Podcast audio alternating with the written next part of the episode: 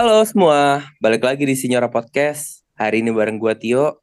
Hari ini kita ditemenin sama Anjar, Halo. Ican, sama Om Rick.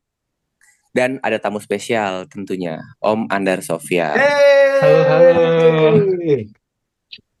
Halo semua, apa kabar? Halo, halo, halo. Halo, halo. Widih, mantap.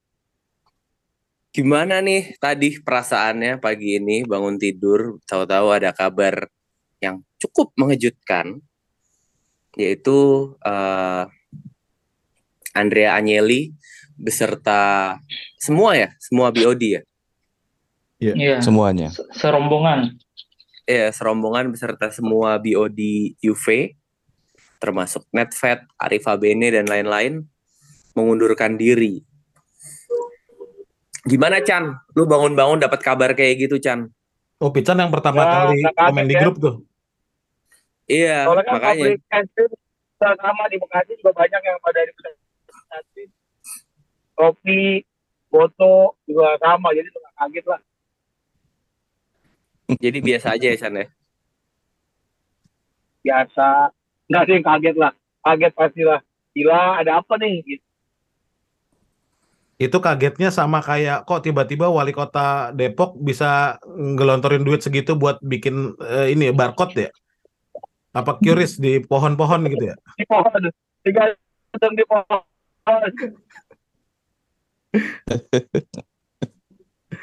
Tapi surprise sih itu tiba-tiba eh, in- ini tuh ada banyak orang yang nunggu momen ini dan ada yang nggak siap gitu momen ini ada gitu. Iya, Hmm. betul.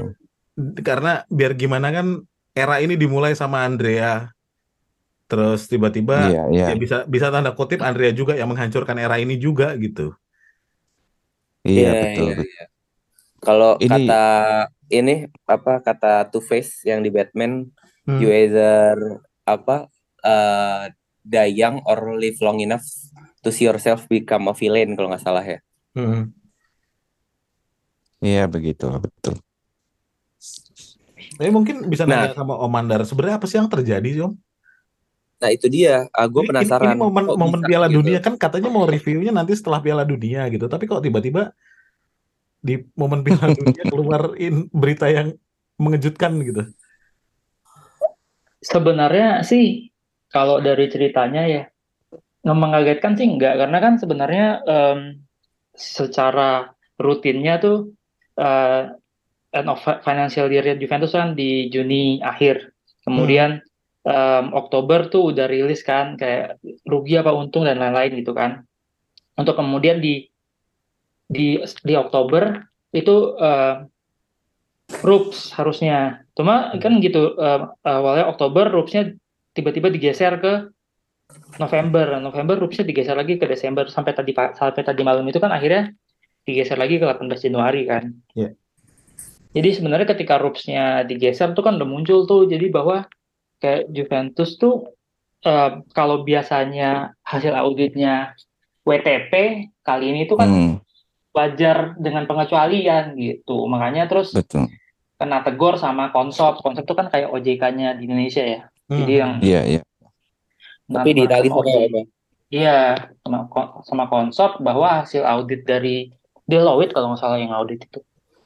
Em, ada beberapa isu lah yang em, pencatatan yang nggak sesuai dengan standar akuntansi yang mereka pakai gitu. Kira-kira gitu. Makanya kemudian eh, somehow Juventus tuh dipaksa nge-rewrite lah gitu, menulis ulang eh, laporannya di tiga tahun terakhir. Nah itu yang membuat eh, akhirnya RUPS tuh diundur-undur sampai kayak ya lu mesti beresin dulu RUPS-nya baru bisa eh laporan keuangannya baru nih bisa RUPS gitu kan. Hmm. Sebenarnya itu sih. Mas Sebenarnya- Andar, sorry, saya agak motong sebentar. Sorry, Hmm. Mas Yo. Jadi untuk penunjukan board director baru ini kan butuh persetujuan shareholders ya. Kalau kondisinya seperti sekarang mendadak, ini pasti butuh RU PSLB, rapat Betul. umum pemegang saham luar biasa. Nah, Hmm. Mas Andar sudah diundang belum tuh untuk RU PSLB? Karena kabar-kabar yang tersebar di media saat ini ini sudah sudah ditunjuk secara resmi. Sebetulnya begini, Iya, mengesankan ditunjuk secara resmi si apa Ferraro ya kalau nggak salah ya sebagai sebagai eh, presidennya Juventus gitu. Ini kan agak agak agak aneh karena secara hukum nggak bisa pemegang saham walaupun dia mayoritas menunjuk langsung seorang Um, presiden baru harus kayak, melewati kayak- saya, lupa sih hak, gitu. votingnya itu yang mempengaruhi. Kalau nggak salah EXO tuh hak votingnya lebih besar daripada sisanya gitu, sehingga betul betul betul ini tuh cukup. betul memang tapi harus melewati mekanisme RUU PSLB gitu loh Mas walaupun dia pemegang saham terbesar Mm-mm. taruh kata 90% misalnya, tapi tetap Mm-mm. harus melewat mekanisme RUU PSLB. Nah, Mas Andar ini sempat di- eh, ada pemberitahuan nggak untuk RUU PSLB? Saya tadi baca-baca ya, karena sangat sangat terbatas sekali media yang yang yang memberitakan hal ini. Kebanyakan wartawan-wartawan di Twitter dan itu pun apa tidak sebenarnya tidak kalau kronologis gitu. RPSLB belum belum dapat infonya gitu. Tapi yang pasti soal si Hmm. Ferrero itu kan sebenarnya kalau dari suratnya Exxon tuh salah satu orang yang diajukan sebagai Iya, betul, betul, betul. Jadi belum ada belum resmi kan? sebenarnya belum Betul, putus, belum betul, putus. betul, betul. Satu-satunya yang yang harus putus kita pahami dulu itu ya soalnya. betul. Jadi Betul, sampai betul. hari ini sampai sampai jam sekarang ini belum ada presiden baru Betul, calon baru tuh nggak ada. betul. Satu-satunya Iya, yang iya, ada iya. adalah managing eh, sorry general manager Iya. si Caretaker ya? Maurizio. Mm-mm, betul. Oh iya, oke, oke, oke, oke, oke, siap, siap, siap. Jadi Monggo Mas itu Tio, saya ini kan kembali ke Mas Tio. Oke, ya, ini sebenarnya aku mau nanya ke Om Rik sih. Eh, sebenarnya dari kasus ini ya apa? eh gua agak-agak agak-agak ini sih Om, agak-agak trauma lah sama 2006 itu gitu. Dari Wajar. ini kan kat- katanya ada apa eh pemalsuan laporan keuangan dan segala macam segala macamnya lah ya. Ya, Ini apakah nantinya akan berdampak ke Juve tiba-tiba Ya. kena pengurangan poin atau bahkan kita dipaksa relegate lagi gitu? Ya. Gimana Om dari Ya. sudut pandang Om Rik? wajar sih kalau misalnya fans merasa khawatir karena di media pun digiringnya ke arah sana. Ini jumping to conclusion, belum lagi ditambah dengan kebencian-kebencian yang akan melahirkan tuduhan-tuduhan yang tidak berdasar. Nah, sekarang begini aja. Simpelnya yang meriksa kasusnya Juve saat ini, ini adalah jaksa lokal di Turin, bukan FI FIGC. Artinya apa? Ini kasus pure murni pidana umum, bukan sporting event. Sehingga apa? Yang akan panis punishment yang akan ditetapkan ini penjara. Kalau misalnya pidana ya penjara atau denda. Di kita juga seperti itu kan. Ada pidana penjara atau denda. Bisa juga pidana penjara dan atau denda. Jadi ini antara dua antara dua jenis seperti itu gitu loh. Sehingga artinya apa? Pidana umum atau si jaksa yang sekarang sedang menyelidiki kasus ini tidak bisa serta-merta menggeret Juventus untuk didegradasi. Urusannya apa? Hmm, Ini hmm, negara, bukan FIGC. hmm. Ya, Kalau misalnya FIGC yang turun tangan, ini berarti ada sporting event yang dilanggar. Seperti dulu Calciopoli, bahwa kita mempengaruhi, dikatakan mempengaruhi pertandingan. Iya kan? Nah, itu melanggar sporting event. Akhirnya apa? Pelang, apa punishmentnya bisa degradasi. Nah, sekarang kita coba itu kita setuju dulu satu hal itu bahwa yang memegang perkara ini adalah jaksa di Turin. Artinya apa? Ini pidana umum, bukan pidana sport gitu ya. Jadi ini dua hal yang berbeda. Kemudian kita mengambil contoh untuk kasus yang sama. Se- Sebelumnya begini, ini orang agak bingung ya. Hmm. Informasinya memang sangat banyak dan untuk yang jumping conclusion tidak mau capek-capek untuk melakukan riset wajar dong. Yang penting kalau ada Hmm. kasus langsung jumping conclusion ini degradasi. Hmm. Karena apa? Ya kebencian itu. Karena kita dua- 2006 juga di degradasi. Iya. Nah, permasalahannya sekarang kasus yang sedang kita alami ini sekarang ini kasus masalah salary. Jadi dulu 2021 itu kita kan Covid ya. Nah, Hmm. kita melaporkan ke Konsop, Konsop itu OJK OJK-nya Italia seperti yang tadi Bang Andar sampaikan ya. Kita kita menyampaikan ini ada pemotongan nih. Para pemain kita sudah deal dengan kita supaya kita nggak bayar empat bulan gaji mereka. Ini yang disampaikan ke uh, bukan disampaikan ke konsop disampaikan ke uh, ke publik Ke gitu ya publik. karena kan Hmm. Juventus ini kan TBK ya terbuka ya apa pre- uh, limited company jadi bisa uh, apa uh, berhubungan dengan pasar modal gitu ya. Nah, kemudian konsop ya si OJK ini menemukan bukti-bukti yang berbeda gitu loh. Ini yang kita temukan cuma sebulan nih yang kalian laporin gitu loh. Tolong Hmm. dong ini lagi ke kita apa s- submit lagi kita bukti-bukti kamu. Itu yang terjadi saat ini. Nah, orang-orang kecampur sama kasusnya Miralem Pjanic dengan Arthur Melo, Arthur Melo. Itu sudah selesai kasusnya. Nah, Hmm. ini dua perbedaan. Dulu kasusnya Arthur Melo dengan Pjanic Om, di mana kita sudah dinyatakan tidak, ya sorry, ya. Itu katanya mau di reopen case-nya sama Iya. FIGC. Ini saya nambahin sih, Robert. Jadi sebenarnya kita tuh Juventus tuh ngadepin dua dua dua kasus bisa dibilang sekarang. Ya. Satu Ya. dari si jaksa lokal Turin, satu lagi Ya. dari dari konsop gitu. Yang Iya, iya. yang dari konsop itu lebih em, permain, maksudnya lebih nanti endingnya adalah perbaikan perbaikan laporan keuangan dan dan sanksinya juga sanksi yang berkaitan dengan entah bisa suspend, entah pokoknya berhubungan Ya, ya. sama bursa saham lah. Oke. Jadi dua hal yang berbeda antara si si jaksa dan dan ini. Iya. Oke. gitu, aja. Saya coba selesaikan dulu ya, nanti kita bisa bahas ke situ. Jadi ini dua hal yang berbeda. Yang sekarang kita sedang hadapi yang membuat si board of director ini mengundurkan diri adalah untuk menghadapi laporan si jaksa. Itu dulu. Itu yang membuat mereka eh, apa mundur. Nah, ada lagi kasus konsop ya. Dulu tuh eh, sorry, kasus yang ditangani oleh FIGC tentang pertukaran Arthur Melo dengan Miralem Pjanic. Itu sudah dinyatakan kita tidak bersalah. Alasannya apa? Dalam dunia sport kita tidak bisa menentukan harga jual si pemain sehingga Juventus menyatakan sah-sah aja menghargai Miralem Pjanic 60 juta itu sah-sah aja. Jadi intinya itu sudah di close walaupun memang sekarang akan dibuka kembali. Nah, kita Hmm. coba bahas satu-satu. Untuk yang kasus FIGC ya yang ditangani oleh FIGC si Miralem Pjanic ini betul secara agak secara rule-nya secara secara hu- hukumnya ada ancaman degradasi di sini. Betul. Jadi kalau misalnya ditanya bisa degradasi nggak Juventus? Kita bicara objektif aja ya. Sesuai aturan bisa. Prakteknya bagaimana? Ada yang namanya jurisprudensi, ada yang namanya kasus-kasus yang dijadikan apa parameter gitu. Siapa yang pernah seperti itu? Chievo Verona. Dia didegradasi. Betul.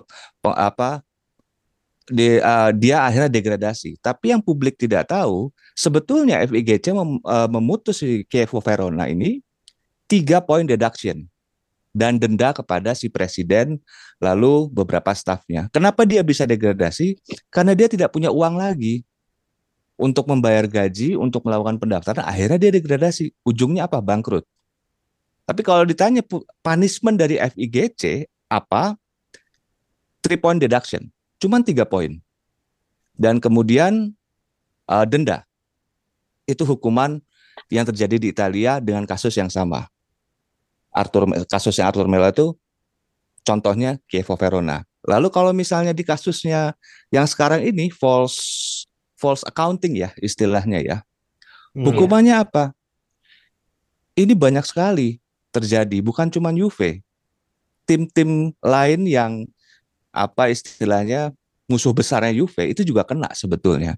Hmm. Itu juga sebetulnya semua kena. Hanya kenapa kita heboh karena BOD kita sudah mundur. Ini saya punya teori sendiri kenapa BOD ini mundur, tapi intinya itu yang membuat kasus ini semakin besar kelihatannya karena reaksi dari BOD kita sampai mundur. Padahal kalau kita ngelihat kasusnya sendiri, ini yang kena banyak sekali, berpuluh-puluh, dan rata-rata hukumannya adalah denda. Denda. Eh, seandainya ditemukan benar-benar penipuan, ya, ya mungkin bisa naik ke penjara. Tapi kalau ditanya apakah Juventus akan akan akan didegradasi gara-gara jaksa ini, sepertinya sulit karena secara hukum ini kembali eh, kita saya nggak saya belum baca tentang peraturan Italia tapi logisnya kalau pidana umum ya jurisdiksinya beda dengan pidana sport. Kalau pidana sport ini yang turun tangan FIGC, kemudian Konfisok gitu ya. Badan badan pengawasnya badan pengawas uh, ya dari uh, coffee shop ini gitu loh. Mereka yang berwenang yang menentukan punishment menggunakan alat negara seperti jaksa. Tapi di sini jaksa jalan ini bukan atas laporan dari konfisok, tapi dari konsob. Konsob tidak menggunakan tangan FIGC di sini. Artinya apa? Hmm. Ini bukan sporting event. Ini pure pidana. Sehingga apa? Ancaman hukumannya penjara bagi siapa? Person yang lalai memberikan laporan atau salah memberikan laporan bahwa yang harusnya yang harusnya dibayar itu empat bulan, ah sorry, tadinya kan yang dilaporin tuh empat bulan potong gaji kan, tapi ternyata katanya ditemukan bukti hanya sebulan. Nah, person yang bertanggung jawab atas hal ini itu yang dituntut pidana, itu yang diputuskan bersalah, sehingga tidak bisa menggeret Juventus dalam hal ini. Jadi begitu ininya apa penjelasan secara mekanismenya seperti itu. Jadi kalau secara general saya melihatnya ini kasus sebetulnya besar itu hanya karena reaksi dari BOD sendiri sampai akhirnya dia resign. Tapi kalau kalau kita mau merefer ke belakang, sebetulnya ini sudah terlihat dari dulu kok. Sebenarnya sudah kita rasakan dari dulu bahwa ini BOD bentar lagi kayaknya memang harus resign kok. Ingat nggak dulu kita sempat ngobrol, kenapa kok sebelum pertemuan RUPS tiba-tiba Arif Abene langsung diintervensi oleh Agnelli. Ini tidak etis secara secara secara hukum, secara ekonomi gitu loh secara organisasi uh, organisasi ini tidak tidak etis. Lalu setiap kali pembelian pemain besar Agnelli tidak pernah ada. Artinya apa? Dia nampak seperti boneka. Kalau saya punya teori ini adalah momen di mana Agnelli menemukan alasan yang tepat untuk mundur semuanya. Ini ini, ini teorinya saya. Jadi membuat kasus yang sebetulnya dialami juga oleh tim-tim lainnya menjadi besar sekali karena BOD Juventus mundur. Akhirnya muncul teori-teori ini akan didegradasi, ini akan macam-macam lah. Padahal dalam prakteknya banyak sekali yang terjadi persis sama kayak kita. Ini point deduction, itu pun kalau misalnya melanggar sporting event ya, atau ya di penjara kalau misalnya benar-benar terbukti menipu. Begitu dari saya. Itu Merda kali Om yang minta didegradasi lagi. Kayaknya gitu. Iya. Iya, emang aneh sih. Kayak Plus Valencia itu kan sebenarnya sebelum ceritanya ke kita 2008 itu Inter sama Milan tuh udah pernah kena terus apa pernah, capital gain pernah, itu dan mereka cuma iya. kena sembilan puluh ribu kalau nggak salah mereka kena Betul. Genoa kena di era 2008 Betul. jadi justru kita tuh nggak pernah kena maksudnya terakhir kita cuma yeah. diperiksa doang terus kita di pengadilan terbukti tidak bersalah gitu justru yang pernah yeah. bersalah tuh mereka mereka berdua ini jadi yeah, ya yeah, yeah, yeah tapi mungkin karena udah dianggap 2008 terlalu lama, udah lupa kali. Iya, iya, iya. Itu Chievo Verona itu si Campe Campedeli ya kalau nggak salah waktu itu presidennya hmm. itu kena 200 ribu.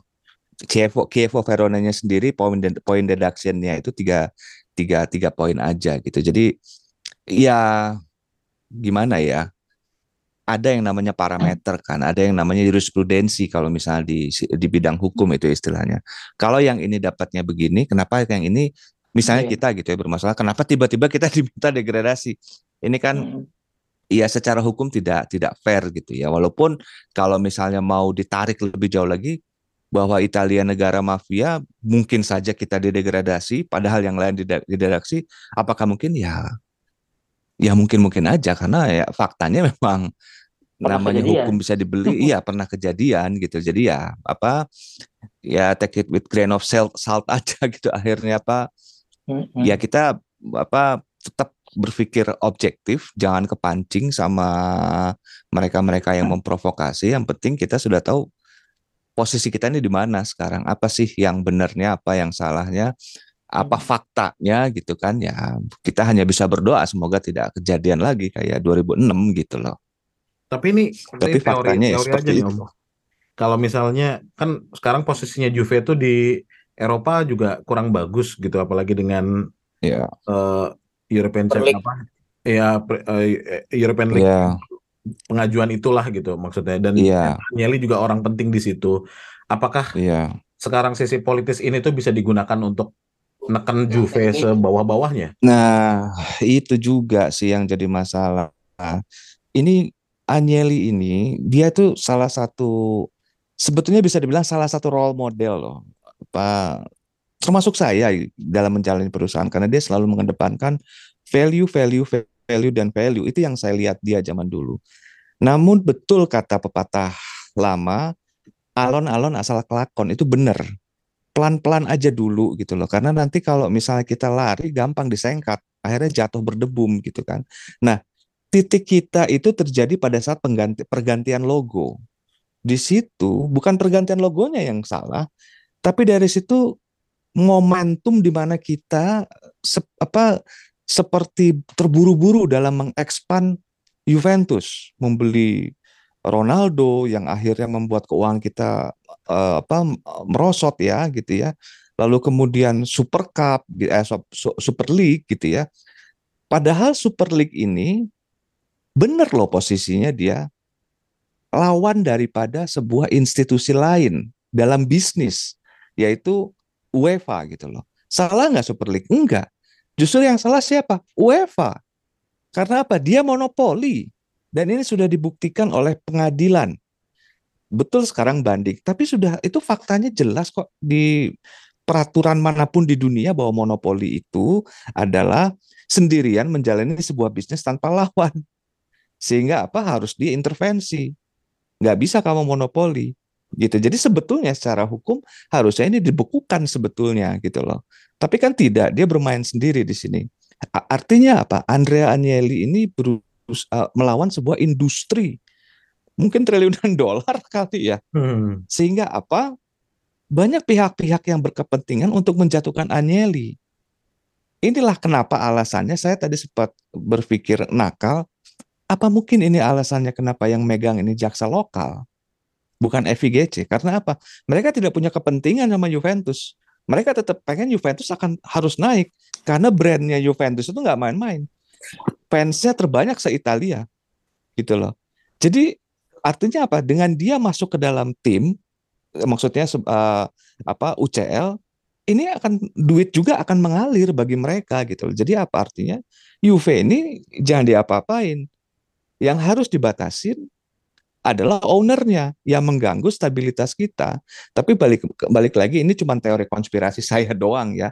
Maksudnya disambing sambung-sambungin lah cocok logi gitu loh karena emang ya apa lucu juga gitu ya setelah kita memenangi pertarungan di pengadilan tiba-tiba kita terus-menerus dipojokkan oleh kasus-kasus hukum seperti ini yang ujung-ujungnya sekarang Agnelli terpaksa harus resign. Walaupun terlepas atau terlepas tidaknya ya memang memang sudah saatnya kok apa waktunya dia untuk lengser gitu loh karena sudah terlalu lama juga gitu. Egonya sudah terlalu besar gitu loh sehingga ya sudah nggak apa-apa legowo aja ini sorry nih kok saya jadi saya mulu yang ngomong padahal tamu kita Lagi nafsu Masa- Om Rick ini Dan- lagi nafsu. Ya, oh, bener. Sebenarnya saya tuh justru kan fire Om Rick. point of view-nya ini banyak kan dasarnya dari segi hukum kan. Makanya saya ngerasa kayak ya Om Rik nih lebih lebih nguasain sebenarnya. Enggak lah, Dan- justru Kak, justru saya ini ngobrol sama tim. Mas Andar ini kan nulis di Twitter itu sangat mencerahkan loh Mas Andar. Justru itu yang pengen kita bahas. Justru itu yang jadi main topiknya kita kok malah saya ngobrol. Tapi memang Silakan Mas cocok, Andar nih, cocok sorry logi nih. itu kan memang Silakan. memang kalau di Thailand tuh emang ada cocok logi itu juga kan yang Iya, kayak iya, iya, iya. lo either masuk penjara apa lo mundur yang kayak gitu-gitu kan emang ada sih. Iya, iya, iya, iya memang sih, memang, memang. Jadi ya Jadi gimana Ya. tuh Mas An- An- Anja- Andar tuh Ah, ah, secara secara ekonomi ini gimana ke depannya Mas Andar? Siapa yang paling cocok nih untuk menunggangi BOD kita untuk mengarungi musim ini aja dulu gitu loh. Kira-kira yang menurut kalau menurut saya siapa? sih yang pasti akan akan akan interim ya maksudnya nggak bakal mungkin orang yang yang ngerti accounting dan lain-lain yang atau bisa juga orang Hmm. yang kayak si kan sempat naik juga namanya em, Evelina Kristilin itu kan. Hmm. Iya iya betul betul. Evelina Kristilin itu orang lama di di kalau lihat foto-fotonya itu ada foto dia sama Lapogato sama zaman-zaman Mastrolipi dia pinggir lapangan. Iya. Em, suaminya juga pernah jadi bos Fiat dan dia kan sekarang juga orang Oh FIFA gitu. kan. Hmm, suaminya tuh sempat jadi CEO-nya Fiat tahun 2000 berapa gitu. Dan dia juga mulai awal karir juga di Fiat. Jadi memang orang-orang Hmm. ekspor juga. Dan dia posisinya sekarang salah satu em, anggota komite di FIFA gitu. Jadi kalau cerita tadi Hmm. kita mau memperbaiki hubungan baik Juventus dengan FIFA dan UEFA, ya mungkin si Evelina ini cocok juga jadi presiden gitu. Karena kan Iya. yang kita lihat ke depan harusnya presiden ini yang memang bagian lobby-lobby aja, kemudian Betul. operasional barulah orang-orang yang CEO yang memang sesuai dengan bidangnya, gitu kan. Bukan Betul lagi betul. kejadian kayak Andrea terus intervensi ke Maurizio Arrivabene dan lain-lain kan kita Betul. ekspektasinya kan begitu. Makanya akhir-akhir ini kan yang muncul namanya itu si Evelina itu karena dia punya hubungan baik sama FIFA dan UEFA. Kemudian kalau si Gianluca Ferrero itu lebih karena apakah dia akan jadi presiden atau nanti dia jadi CEO kan kita nggak tahu juga karena kan Hmm. um, Arrivabene walaupun dia mundurkan diri kan sekarang tetap ditarik kan, tetap dipakai jadi Iya, CEO. Apakah kemungkinan nanti si Ferrero itu jadi CEO bisa juga karena yang dihadapin kan kasusnya akuntansi dan dia accountant yang eh, reliable lah bahkan bisa dibilang dia itu kan jadi kayak advisor dari em, perusahaan-perusahaan besar di Italia gitu. Jadi ya Iya. harusnya secara secara kuali- kualitas mumpuni. Kemudian kan muncul iya. nama-nama lain yang dari dulu selalu ada kayak Lapo Elkan, Alessandro Nasi ya itu kayak Iya iya. The next Jadi- di keluarga siapa sih jatahnya gitu kan. Legend-legend Ini- kita nggak ada tempat kayaknya ya Mas. Nah, Saya kalau kalau near future kayaknya kayaknya enggak ya. Tapi mungkin nanti setelah katakanlah setelah case ini close gitu bisa jadi. Ini Iya. kan untuk untuk menghadapi sisi hukum dan akuntansi tadi dulu aja sih buat Iya. saya dan menghadapi UEFA, FIFA, uh, Konsop, kemudian jaksa lokal. Nah, ini kan harus orang-orang yang memang sudah punya channel di dalam lah gitu. Saya sih betul. bisa jadi legend kita itu kan nanti mungkin ya setelah udah stabil baru. Kalau nggak kasihan juga sebenarnya. Iya, iya. Jadi, jadi sasaran eh, tembak.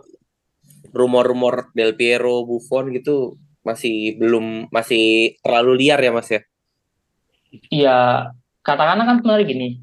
em, in- interim ini di dilantik katakanlah Januari. Nanti kan shareholders meeting berikutnya tuh di Oktober 2023. Ya mungkin aja di saat itu mereka jadi presiden.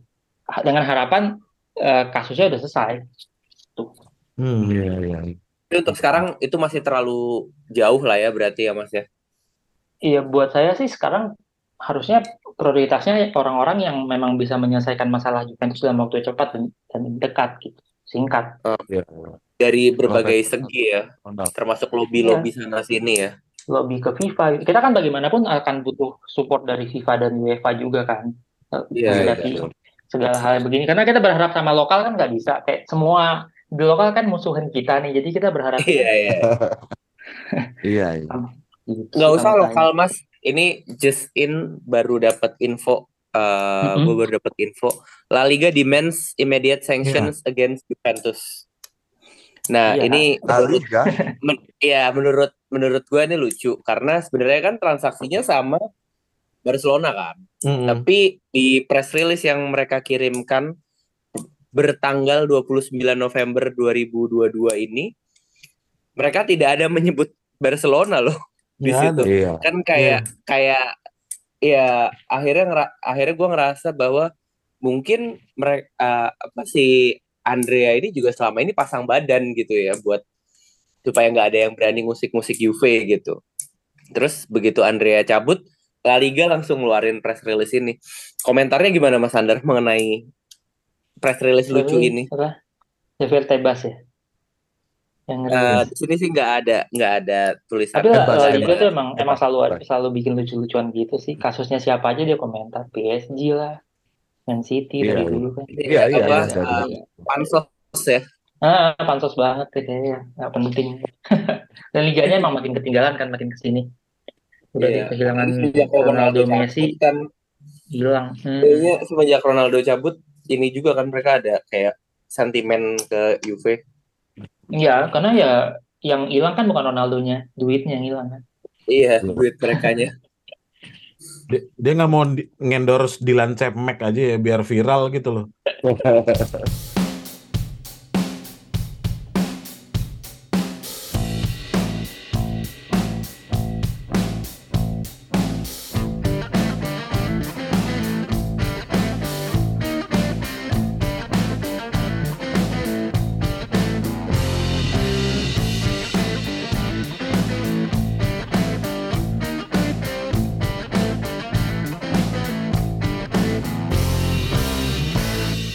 By the way, eh, Mas Andar, gue Yes. mau nanya dong, Mm-mm. eh, case ini tuh dampaknya gimana sih untuk eh, ya Juve secara korpor corporate, finansial dan bahkan brand image yang ya sedang dibangun sejauh ini gitu loh. Eh ya gimana sih image apa eh, dampaknya gitu Em, apalagi terutama mungkin dari segi ya let's say finansial dan lain-lainnya itu gimana Mas? Buat saya yang utamanya Juventus ke depan akan akan sangat ditentukan siapa yang akhirnya dipilih oleh shareholders gitu Hmm. untuk jadi presiden berikutnya atau jadi BOD, BOD berikutnya karena orang-orang inilah dengan segala latar belakangnya, CV-nya nanti akan menentukan em, ini Juventus mau menyelesaikan masalah apa mau masalah apa tetap fokus ke bisnis apa fokus ke sporting katakanlah gitu ya. Eh, karena kita kita sempat cerita yang dulu em, rencana plan 99 du- 2024 itu kan sekarang otomatis kan hilang semua gitu.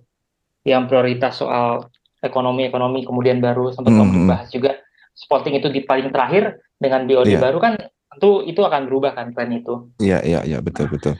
Em, ya dari situ nanti dari orang-orang itulah baru kita bisa bisa menilai kalau sekarang ya kita nggak bisa nggak bisa ngomong apa-apa karena kita belum tahu siapa yang akan di situ gitu buat saya tapi melihat pengunduran diri yang ke- terkesannya buru-buru padahal enggak karena Hmm. at the same time ternyata Andrea juga udah nyiapin surat yang dia kirim ke seluruh karyawan itu yang tersebar sekarang Iya, iya, iya, iya, betul. kata-katanya tuh sama sekali tidak terlihat keputusan yang terburu-buru, apalagi kemudian ada kata-kata soal em, Tidak setia ya. em, tidak setia, tidak Hmm, unity hmm, lagi gitu. Iya, Ya iya. bisa jadi ya ada ada kekeosan di BOD sana daripada mereka nggak nggak seia sekata ya udah bubarin aja ganti Iya, iya. B- eh, BOD baru yang sudah sudah di sudah di prep nih sebenarnya di belakang di belakang layar gitu karena kan Hmm. ya sebenarnya semua kan di tangan Exor gitu kan. Jadi ya jadi ya sebenarnya aman-aman aja sih Juventus buat saya. Nggak nggak nggak akan terlalu banyak turbulence. Agak berbeda ceritanya makanya dengan 2000, du- 2006 kan Juventus at that time ditinggal oleh legendnya pada apa em, bapak ba- bapak dan omnya Andrea gitu. Kemudian Juventus dikasih ke Andrea sama El, sama sama John yang masih masih muda banget, masih hijau banget gitu. Hmm. Sekarang mereka udah udah satu dekade lebih nguasain, udah megang banget, Exor juga lagi bagus-bagusnya. Em, ya aman-aman aja sih Juventus buat saya ke depannya malah Nah, akan lebih baik karena emang Nah, itu. saya dari dari beberapa podcast juga sama Signora podcast kan saya udah bilang saya lebih prefer hmm. Andrea out daripada em, Allegri ya. daripada Iya, iya, iya. Allegri out at that time Iya, iya, iya. karena sudah long overdue gitu. Betul. Ya, jadi ya harapan baru harusnya Juventusnya juga lebih bagus sih. Dan belajar dari pengalaman bahwa fokus sama marketing melulu tuh ya nggak menghasilkan. Ternyata di Iya, Italia. iya. Tapi mungkin momennya sih Om yang bikin kita shock tuh maksudnya eh, apakah nggak ada cara yang lebih elegan gitu ya ketimbang eh, tiba-tiba resign satu gerbong terus eh, dibumbuin sama masalah finansial segala macam gitu loh. Itu mungkin yang terkesannya jadi di mata fans itu jadi heboh gitu. Karena beberapa Heboh, orang heboh yang banget. Ah, beberapa orang yang di eh, netizen yang saya baca gitu ya banyak yang kaget gitu saat mereka lagi pengen nyibuk sibuk eh, buat taruhan bola buat ntar pertandingan ntar malam ini ada ada Juve tim kesayangan yang eh, apa namanya backbone eh, timnas Italia yang Italia nggak main di Piala Dunia tapi heboh sendiri gitu loh itu Sampai Hmm. ada yang bikin ada yang bikin meme gini loh, eh yang gua ngakak sebenarnya agak Nah. ngakak. Ada yang bikin meme gini. Ini kalau apa namanya kalau Italia ikut Piala Dunia, udah all in aja lu semua buat eh taruhan ke Italia. oh pasti juara lagi. pasti juara tapi tapi buat Iya. saya justru justru momennya pas ketika Juventus lagi nggak harus tanding nggak harus apa jadi Hmm. konsolidasinya tuh di internal cukup cukup panjang lah waktunya sampai sampai Januari baru kita Iya, akan, iya. akan main lagi. Iya. jadi nanti harusnya Januari udah punya presiden baru udah punya rencana baru winter mercato akan gimana dengan si presiden baru itu dengan manajemen baru. Ya mungkin arahnya juga baru dibanding nunggu sampai summer nanti atau tiba-tiba di tengah jalan. Ya sebenarnya saat, saat yang terbaik sih. Sampai Hmm. sampai winter mercato kita masih punya satu bulan lebih untuk bersiap. Tapi hmm, buat saya sih justru momennya pas ya cukup tepat ya dibanding ketika kita kemarin di tengah-tengah pertandingan di tengah Iya. musim terus tiba-tiba kalau mundur lebih semua bisa kan berpengaruh ke tim mungkin ya Mas.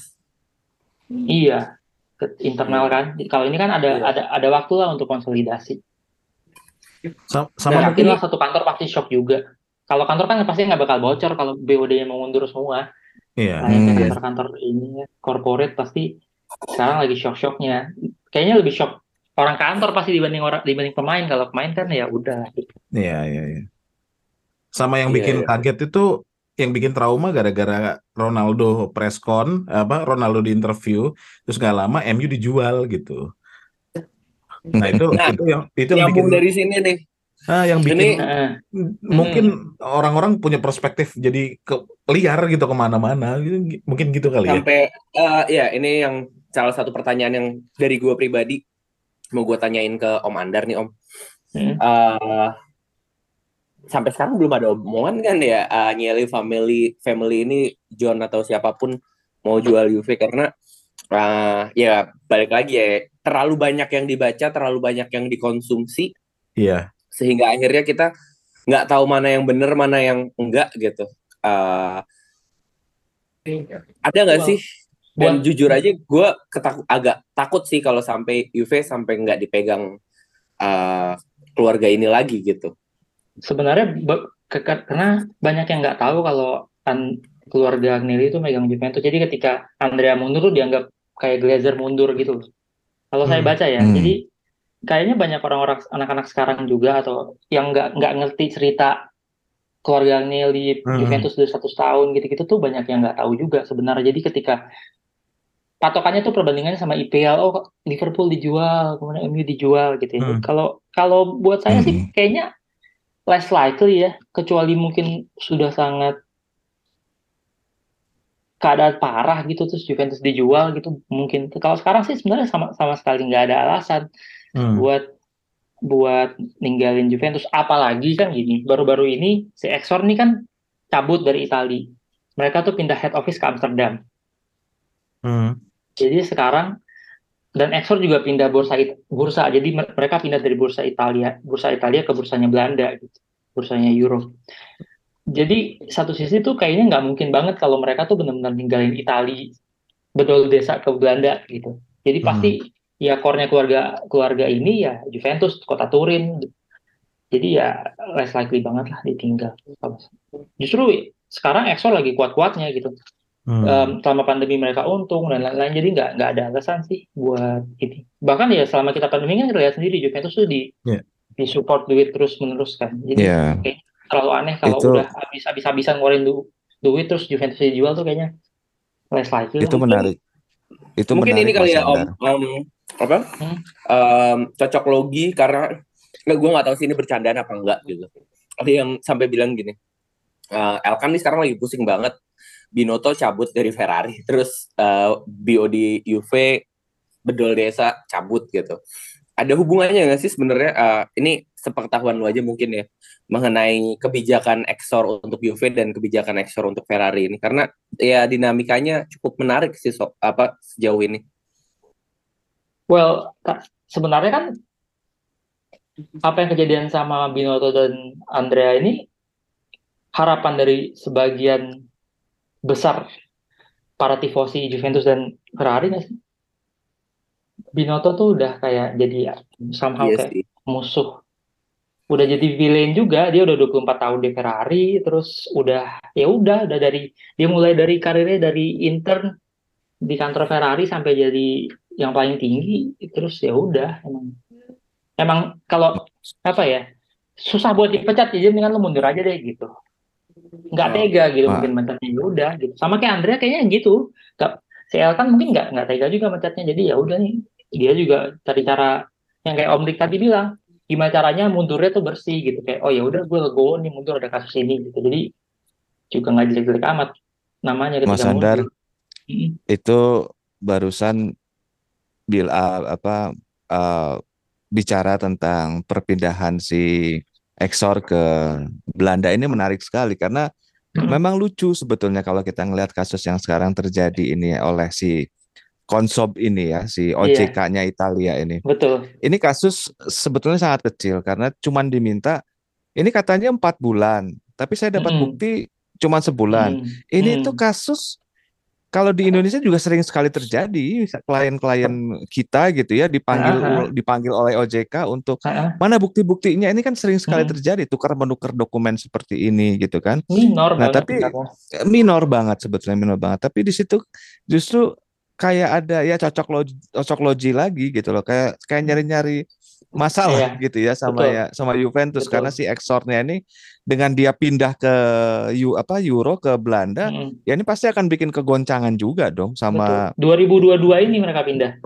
Nah, makanya gitu. Jadi sebetulnya lucu gitu ya kalau misalnya dilihat dari fakta-fakta yang terjadi gitu. Ini mah kasus minor kok sebetulnya. Kenapa heboh ya karena BOD-nya mundur.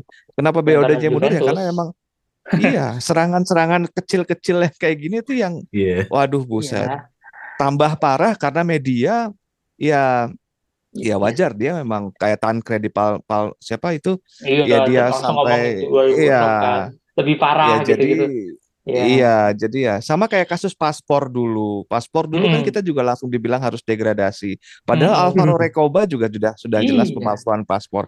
Ini kan kita tidak pemalsuan sama sekali, baru diduga ada. gitu loh. Iya, ini Ya kan, sama kayak jadi- Hendra itu kan ceritanya juga Ya, sama. Kita iya. diduga, Ya. Inter sambil ada kejadian, udah kena denda, Iya. tapi nggak dibahas kan gitu. Iya, iya. Jadi memang memang tapi menarik ya, Om, sekali ya. untuk Nggak menjadi Juve, nggak makan, fansnya Juve. Betul. Iya, begitulah. Begitu ya kita hanya Ya, bisa Juve nggak berdoa makan. semoga soalnya beginilah. Serangan itu memang kalau tidak diatasi benar-benar takutnya membesar. Nah, itu yang harus Betul. kita waspadai juga gitu. Jangan sampai gara-gara kerikil kita sampai akhirnya masuk jurang itu juga jangan sampai. Jadi ya Hmm. kita tetap harus tahu fakta yang terjadi, tetap tenang gitu ya. Mm-mm. Tapi juga jangan jadi uh, melalaikan fakta-fakta banyak sekali serangan kecil-kecil yang takutnya nanti malah membuat kita jatuh ke jurang juga gitu ya. Mudah-mudahan aja nggak sampai terjadi gitu ya, Mas Andar ya. Iya, makanya Lucu ya saya juga memang juga sih kalau- si Andrea ini legowo mundur dan diganti sama orang Iya, yang iya, benar-benar benar-benar bisa fight gitu, benar-benar Hmm. ngerti apa yang jadi isu soal financial, soal accounting gitu misalnya. Ya kita benar-benar bisa bisa cepet lolos dari isu-isu kecil ini terus balik lagi Iya. fokus ke ke Juve yang seharusnya. Iya, Sama- iya, iya, iya. Yang menarik ini ya, Mas Andar, kalau menurut gua. Mhm. Berapa hari lalu ini kan Andrea baru dua hari atau tiga hari lalu ya Andrea itu apa Ju, uh, next next Gen Day ya kalau nggak salah di Allianz. Mhm, mhm, mhm. Terus tiba-tiba ada kejadian kayak gini. Menurut lu uh, ketika dia menghadiri next Gen Day itu yang di mana ada Benitez, Dan ada presiden FIGC, eh bos FIGC ya. ya Hmm. Gravina, Mhm, mhm. itu dia udah tahu belum sih dia akan mundur menurut lu? Udah, udah. Nggak mungkin lo bikin surat ke karyawan yang kayak gitu-gitu em, dalam waktu dua hari mundur tuh nggak mungkin. B- BOD-nya kan posisinya semua nggak di Itali, cuma beberapa orang doang yang di. Sisanya kan mereka kerja di berbagai banyak tempat. Kebanyakan, Betul. kebanyakan mereka stafnya Exor sebenarnya. Mungkin di Amsterdam sana nggak di Turin. Iya. Iya, Jadi remote ya- kerjanya. Iya, jadi ini kan sebenarnya press release-nya aja nih hari ini gitu. Layaknya public listed company, memang mereka harus bikin bikin price sensitive rilis kan. Agak berbeda sama Iya. Presiden Napoli yang suka-suka dia misal dia bilang aja gitu kapan dia mau gitu. Ya Juventus nggak bisa kayak gitu. Mungkin ini konsepnya tuh udah dari dua minggu lalu, sebulan yang lalu. Kita nggak nggak tahu Iya. gitu. Mereka udah rapat di Amsterdam sana misalnya. Oh kita rilisnya tanggal segini itu pasti udah udah plan lah. Hmm. Kita tuh kita tuh corporation banget gitu justru sangat-sangat Hmm. kaku. Juventus tuh kaku banget. Betul Iya betul. sih Saya setuju sih itu. kelihatan. Mas Andar mau nanya lagi dong mengenai Ya apa? Maaf ya banyak nanya. mau nanya ini mengenai Allegri dan perpanjangan kontrak perpanjangan kontrak beberapa pemain ini gimana nih Mas? Saya sebagai fansnya Rabiot jujur berharap banyak nih. Fans Rabiot dan Cuadrado kan yang mau perpanjang kan? Cuadrado enggak ya?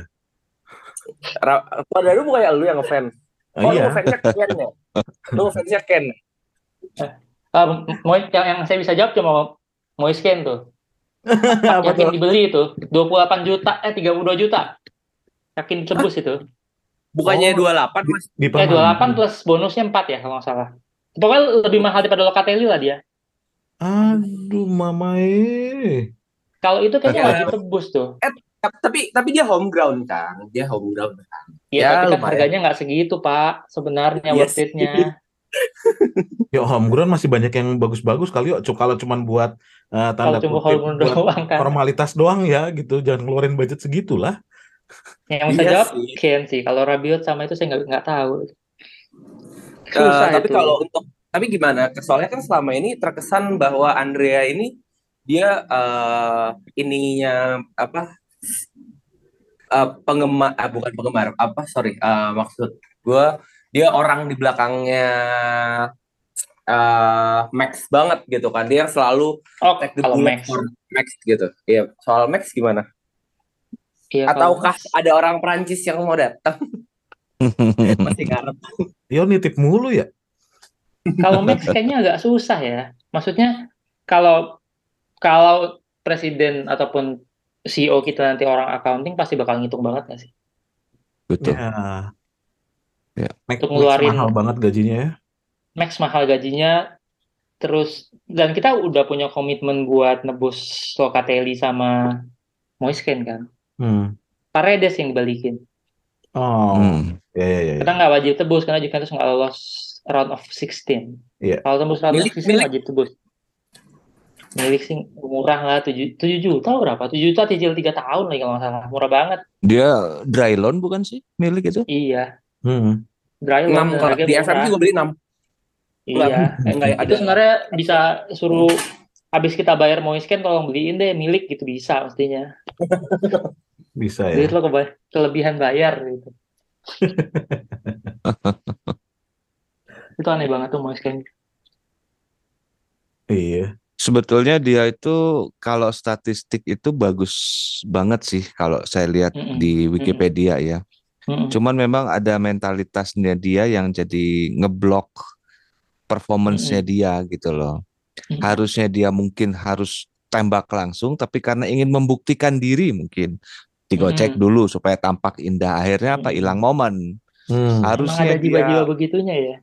iya, jadi memang kayak belum dewasa aja. lokal kayak pemain liga lokal ya terlalu terlalu ada ada men- ada mentality block yang harus diatasi gitu loh sebetulnya. Betul. Tapi begitu dia sudah dewasa, memang potensial sekali kalau dia uh, ininya statistiknya bagus. Dia tuh waktu pas junior itu katanya tinggi sekali. Saya lupa ininya Mm. apa ininya statistik, tapi tinggi sekali. Konversi masukin golnya tuh tinggi sekali. Iya. Si Ya Moise sebenarnya sih seneng baca aja dulu. sih.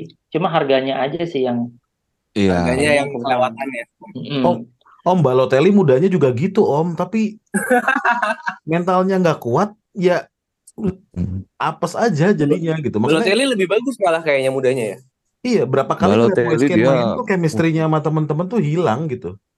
Iya, memang itu masalah utamanya dia di situ. Dia pikir dengan menjadi Iya. badass itu keren gitu loh. Padahal Iya. Ya Nggak gitu. perlu begitu. ya Ya, kan gini dia juga dia gitu deh, kayak gitu. apalagi Juve yang konservatif begitu yang nggak kemakan. Makanya dia Hmm. suruh ganti Tevez potongan kurang rambut kali itu. Tevez kurang Badung apa gitu loh. Tapi di Juve nurut. Ya kali ini bocah Ya cunguk Ya gitu kan mau dong. gitu. Tevez tuh beda pelatih dong. Iya iya. Ta- tapi tapi manajemennya kan tetap di Juve gitu om. Maksudnya Juve yang punya regulasi sendiri gitu. ya justru itu Tevez sudah dewasa. Waktu Iya, pas Tevez udah- muda juga kita nggak tahu apakah dia cocok di Juve atau enggak gitu loh. Iya. Moise Kean Hmm. ini dia apa potensinya memang ada, tapi memang bad boy banget. Dia pikir Mm-mm. keren kali ya. Jadi ya memang lagi muda ya kita harus siap lah terima kondisi dia seperti itu kan nggak setiap anak muda kayak Miretti atau Fagioli yang nurut Ya. kan gitu. Eh, tapi sebatas eh, selama potensinya ada sih ya sudah 32 juta itu kalau memang Sikat. sudah memenuhi ini ya mau nggak mau kita harus beli kan sudah Komitmen. memenuhi Rela semua rewel ya, iya komitmen ya harus Dan beli akhirnya rewel minta dimainin atau apa segala macem. Iya. iya iya iya Walaupun cukup mahal buat pemain cadangan ya. Mahal Iya banget sih, jadi 32 ya, sih mahal banget. waduh itu Paratici ya kalau nggak salah dulu ya zaman Paratici ya belinya Eh, enggak. Iya, Paratici, Om. itu gara-gara si- CR7 cabut tuh. Oh Siapa? iya, iya, Oh, iya. pen panik buying ya? CR7 cabut pan- tuh sisa berapa hari. oh Udah Arriva iya, Bene iya, sebenarnya. iya, iya. Panik sudah. Arriva Bene ya oh panik buying ya Habis iya iya iya. Ronaldo cabut tuh, itu sisa tiga hari lah berapa terus datanglah Raiola Hmm. dengan Kean itu dengan Moise Kean datang. Hmm, Deal lah itu. iya gitu. iya Panik buying itu, panik buying. Ngeri Takut punya juga. striker kan. Karena ada isu waktu itu Morata mau cabut kan. Selain Cristiano, Hmm. Morata cabut juga. Ya pengalaman hidup. iya pengalaman lah Mau pengalaman mahal ya. Om. Emang pengalaman mahal kan betul kan? Iya. Bener, iya. Ya ini sebenarnya makanya pengalaman Andrea Nili ini kan juga mahal.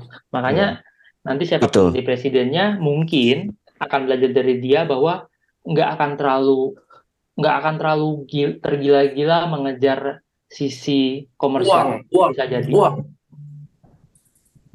Hmm, Iya. betul bisa jadi akan lebih akan balik ke root gitu balik ke Hmm. stadion yang lebih ter- lebih murah kemudian ultras kembali mengisi Bener. di belakang gawang, bendera Nah, boleh masuk iya. lagi. Bisa jadi kita balik ke situ gitu. Karena pelajaran iya pelajaran mahal apa yang dilakukan sama Andrea. Iya. Gitu. iya Mungkin kita juga apa? eh, mungkin kalau dari gue pertanyaan terakhirnya ini, kalau yang lain masih ada pertanyaan nggak apa-apa sih. Eh, mengenai ini dan nantinya apa kemungkinan kita akan dipimpin oleh orang accounting, apakah itu akan memengaruhi strategi transfer Juve ke depannya? Karena ya seperti diketahui kan tadinya ada rencana mau mendatangkan eh, wingback dan SMS gitu. Apakah dengan kasus ini dan kemungkinan kita akan dipimpin oleh orang accounting akan mempengaruhi itu, eh, Om Ander? Hmm, nggak tahu sih. Karena sebenarnya se- maksudnya SMS itu kan selalu akan selalu setiap mereka tuh muncul gitu dengan dengan harganya bervariatif dan lain-lain. Tapi ya ya nggak tahu benar-benar kejadian di summer ini apa sekalian free di 2024 kan? Saya juga. Iya. dan balik lagi tergantung SMS-nya mau ke Juve nggak dia mau rela nggak ke Juve Hmm. gitu dengan ada tawaran juga misal dari IPL dan lain-lain kan dia tidak pernah secara terbuka Gamblang. Bilang pengen ke Juve agak berbeda sama Locatelli, Chiesa gitu yang ya tawaran lebih mahal dari luar negeri dia nggak ambil gitu karena dia bawa Juventus Juventusnya kan lebih fans Juve yang berharap bukan iya iya fans yang betul berharap ya dan kita punya Miretti Fagioli eh Rovella sih sebenarnya Hmm. Iya. tanpa Aku fansnya Rovella loh. Nah, mantap. Daripada kita jual Rovella, men- dus duit dia buat SMS kan mending ya udah balik Iya. Rovella nggak nggak keluar duit gitu. Kalau buat saya, Iya, betul. Iya, Iya, sepakat iya. sih. Iya, saya juga. iya. kalau juga. wingback juga kita bisa ngambil Cambiaso, masih ada ba- masih banyak yang bakal balik sih. Jadi ya orang-orang ini harus dijual dulu. Mood kita banyak banget yang akan balik dari masa peminjaman tuh banyak banget. Zakaria kan balik. Iya. Iya, Oke. iya, iya. Si Arthur, Arthur Melo balik. Hmm. Terus siapa wingback kita yang di Frankfurt kan nggak pakai juga.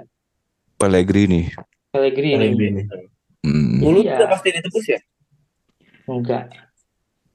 Udah Siapa? pasti ditebus Tottenham ya? Kulu. Nggak tahu. Sudah masuk, sudah masuk ini sih sudah masuk komitmen dalam kontrak kayaknya ya. Jadi pasti ditebus sih Baik Kulusevski. Tapi Conte habis kontrak, belum perpanjang. Eh, kontraknya Kulu maksudnya. Kan dia Iya, kalau dia- dia misalnya ini nggak sih? Dia Masuk tuh option to Champions. buy atau Oh iya, Atau- salah. Ada ada ada oh, obligation to buy-nya ya. obligation Udah. to buy karena kita jual dia itu memang lagi butuh duit kita. Iya, Memang obligation to buy kok itu. Itu kan apa? Tebus dosanya para Tici itu. Iya, betul. Betul. Memang harus jual kalau dia sih. Iya. Jadi kalau ngomongin Lagian- Mercato sih kita banyak banget yang masih kita jual dulu baru beli Iya. balik lagi. Mm. Iya. Itu Om Tio. Oke. Kalau dari gue sih udah cukup sih. Teman yang teman-teman yang lain mungkin eh Jar atau Om Rik. Udah sih gue udah merasa tiba-tiba bersyukur alhamdulillah gitu. Ternyata kondisinya nggak semenakutkan mengerikan itu yang gitu. kita kira ya. Iya. Ini goreng-gorengan Ya, media mudah-mudahan. aja sih emang gitu emang. Saya tadi Mudah-mudahan. diceritain Om Rik soal jurisprudensi dan lain-lain tambah tenang saya. Iya, Tambah tenang Karena ya. yang ngomong ngomong ahlinya gitu. Jadi Enggak. Ini juga baru baca football Italia yang beberapa tahun yang lalu kok. Jadi baru bisa ngomong kayak begini. Nanti saya share deh berita-beritanya itu udah jelas. Uh, kayak Siap. Verona dapat tiga dedak apa three point deduction gitu. Itu ada semua. Iya, Jadi ya pengambilan keputusan kan nggak bisa semena-mena gitu. Hmm. Karena setuju. nanti Lagi ya apa iya nanti ada banding ada kasasi dan bisa dilaporin ke kalau di kita kalau di polisi itu propamnya lah gitu loh di pengadilan tuh ada juga lembaga pengawas nggak segampang itu seenaknya mengambil keputusan gitu loh jadi ya Bismillah mudah-mudahan apa yang kita sampaikan hari ini Mas Andar Hmm. Bisa bisa terwujud dalam arti ya ini kasus sebetulnya sih nggak gimana-gimana tapi jadi besar Ya, karena ya. reaksi dari BOD kita. Mudah-mudahan benar seperti itu. Amin. Ya, mudah-mudahan lah. Amin. Mungkin buat pendengar Sinyora Gitu. semua eh, banyak kasus di luar sana yang mungkin mirip-mirip gitu ya. Itu jangan dicocokologi dicocokologiin gitu ya. Karena kan Iya benar. media itu akan Iya, iya, ngambil tiap kasus beda. akan ngambil eh, orang yang paling besar gitu.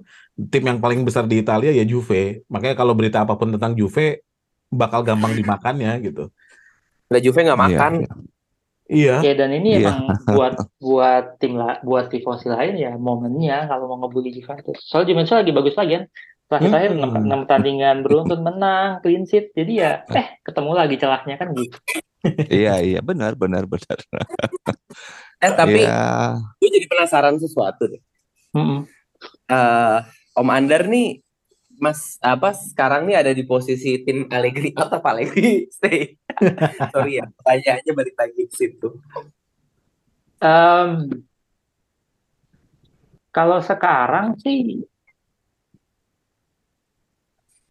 dengan dengan di BOD udah terguncang eh, ganti semua kayaknya buat saya jadi aneh juga ya kalau di di lapangan juga ganti semua ya. Ya. Ya Butuh stabilitas kita butuh sekarang. stabilitas sih. Hmm, betul. Paling nggak sampai akhir musim lah. Betul. Kita lihat dulu Iya, siapa siapa siapa siapa CEO-nya, siapa presidennya. Ini kan kan Iya. oh dia dekatnya sama siapa, dia polanya kayak gimana. Bisa jadi Allegri-nya yang nggak cocok sama presiden baru. Iya. Ini ya.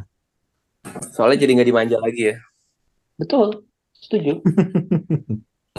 Makanya, jadi ya ini sang- sangat dinamis lah. Intinya ya kita butuh stabilitas. Kita akan lihat siapa yang ditaruh di posisi eh, posisi tertinggi Juventus, mereka mumpuni apa enggak dan lain-lain ya. Jawabannya ya sampai enam bulan ke depan ini. Iya, Dengan betul. situasi ini harusnya kita bersyukur juga sih karena kita punya bahan juga buat take podcast selain ngomongin Allegri doang ya. Iya, benar, benar. Tapi iya, saya sih saya sih termasuk senang maksudnya ya.